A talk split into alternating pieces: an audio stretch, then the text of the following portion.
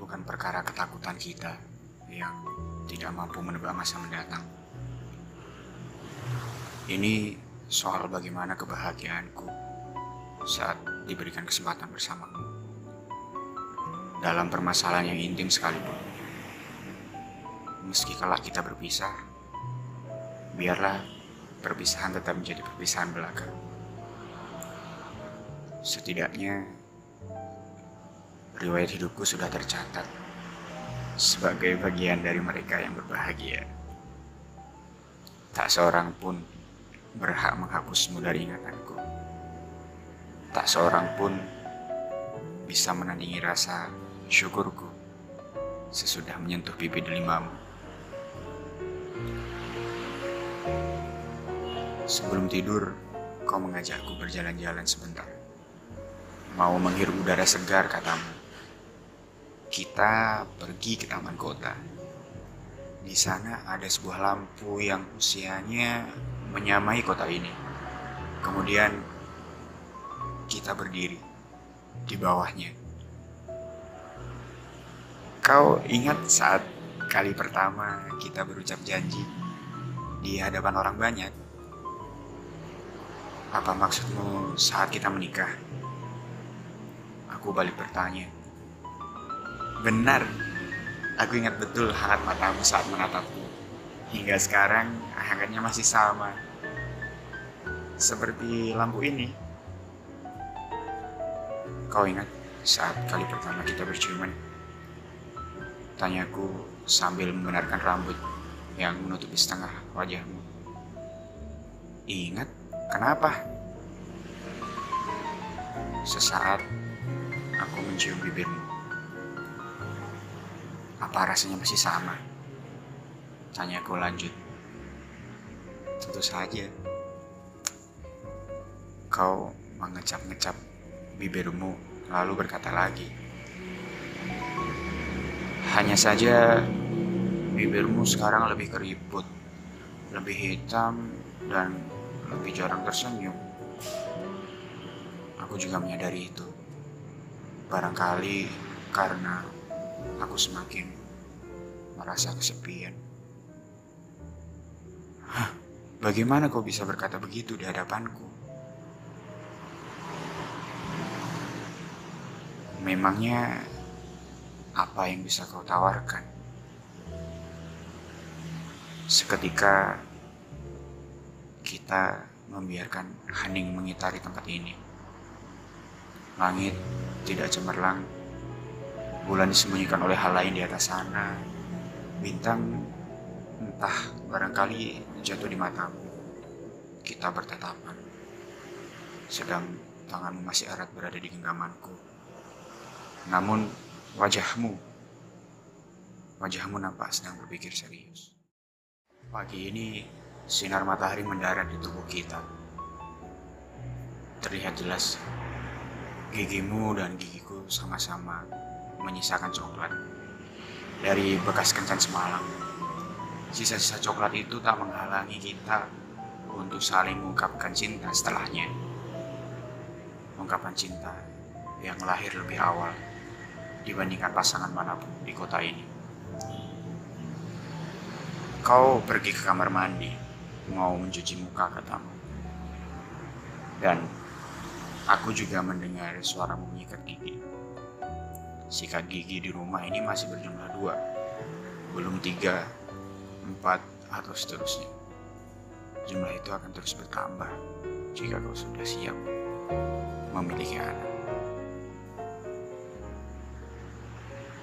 Beberapa saat kemudian, ibumu menelpon,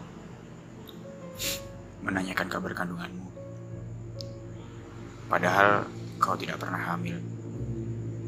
Dan kau berbohong dengan mengatakan telah mengalami keguguran. Ibumu menangis. Kau tidak menangis.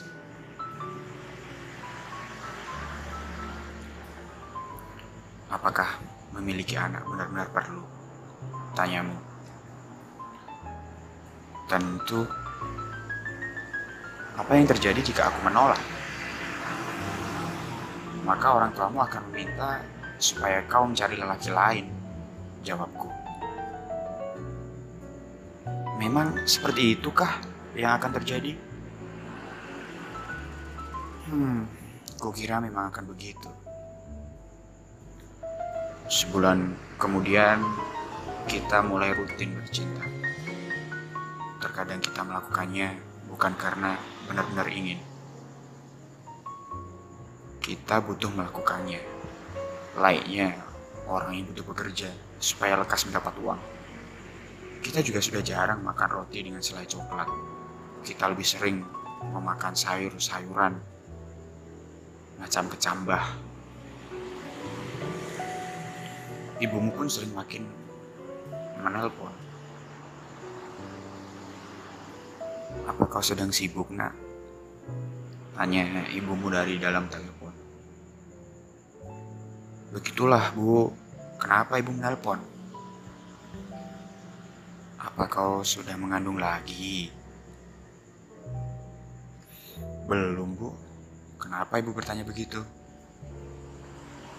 Uh, ayahmu, ayahmu nak. Ayahmu mulai sakit-sakitan. Untuk hal-hal seperti ini, ibumu selalu terlambat memberitahu kita. Atau sering kali sengaja menyembunyikannya. Kau menutup telepon, kemudian kau menghampiriku dan mencoba membuka satu persatu kancing bajuku. Sebentar, aku lelah, kataku. Mau menonton film dulu atau bagaimana? Tidak perlu, kataku. Kau tetaplah diam di sini. Akan kubacakan puisi. Ku geser badanku sedikit. Ku sediakan tempat di sampingku untuk kau berbaring. Jujurlah, setelah aku tertidur semalam, kau sempat terjaga untuk membuat puisi, bukan? Matamu menipis, bagikan memaksa agar aku membenarkan pertanyaanmu. Iya, seperti yang kau pikirkan. Hmm, baik. Bacakan puisi itu untukku bintang jatuh di matamu. Lalu aku berdoa kepadanya.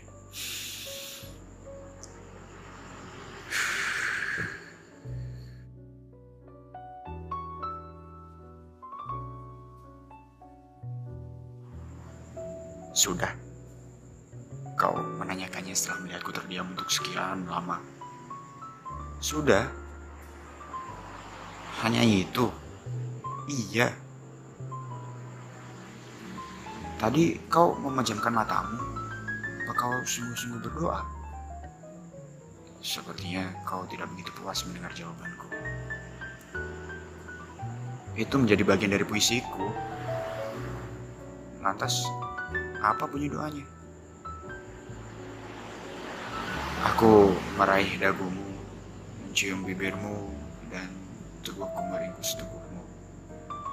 Tiba-tiba saja, aku hanya ingin menjawabnya dengan itu.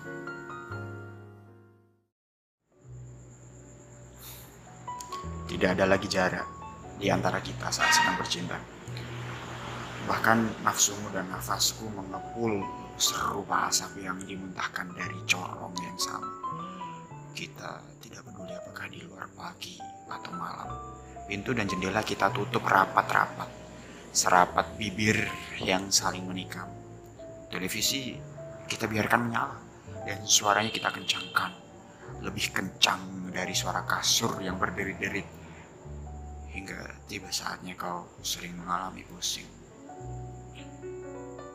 Beberapa kali kau seperti ingin memuntahkan sesuatu tetap tidak keluar apa-apa. Kau juga mengeluh tubuhmu lebih berat dari bisa biasanya. Emosimu tidak karuan dan dan terkadang kau banyak meminta sesuatu yang aneh secara mendadak. Pernah ketika itu masih pagi sekali, kau kepingin makan kentang goreng. Dan pernah juga ketika itu malam sekali, iya malam sekali, kau kepingin memelihara kura-kura. aku pergi membelikanmu sebentuk alat untuk membuktikan benar atau tidaknya kau sedang hamil. Namun, kau tidak mau buru-buru melihat hasilnya, katamu. Padahal gejala-gejala yang kau alami telah berlangsung selama dua minggu. Apa aku akan hamil? Besar. Tadi pagi, ibuku menelpon lagi. Apa katanya? Ia mau berkunjung kemari. Kapan? Besok pagi, kalau bus yang ditumpanginya tidak menemui macet. Perlukah aku menjemputnya di terminal? Ia mau datang sendiri. Keesokan harinya, kau membuka, kau membuka jendela dan korden, semacam acara simbolis untuk menyambut tamu yang segera tiba. Dari tempat tidurku, aku melihat sinar matahari menimpa wajahmu. Pipi delima itu membuat kau terlihat kian cantik. Kau menghampiriku setelah menyadari aku sudah terbangun. Kemudian kau berkata, Aku mencintaimu. Ungkapan cinta yang lahir lebih awal dibandingkan pasangan mana pun di kota ini. Aku melihatmu pergi ke kamar mandi. Aku mendengar suaramu sedang menyikat gigi. Sebelumnya, aku juga melihatmu membawa masuk sebentuk alat untuk mengecek kehamilan itu. Beberapa saat kemudian, seseorang dari luar mengetuk pintu dan mengucapkan salam. Kau berteriak dari dalam kamar mandi supaya aku segera membukanya. Aku berjalan ke arah pintu dengan langkah yang berat. Lalu aku membukanya. Ibu, kataku dan meraih tangannya untuk kucium. Mana istrimu? Masih di kamar mandi. Tunggulah sebentar. Aku akan menyiapkan sarapan untukmu. Aku duduk di meja makan menemani ibumu. Menunggu kau keluar dari kamar mandi. Suara siraman air, suara pintu berderit, suara langkah kakimu yang tenang. Ibu, katamu dan dan meraih tangannya untuk kau cium. Dan kita sekarang duduk bersama di meja makan.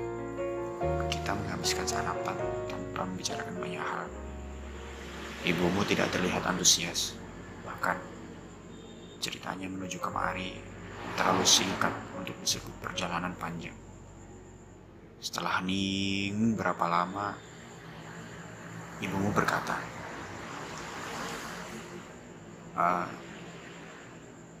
uh, ayahmu,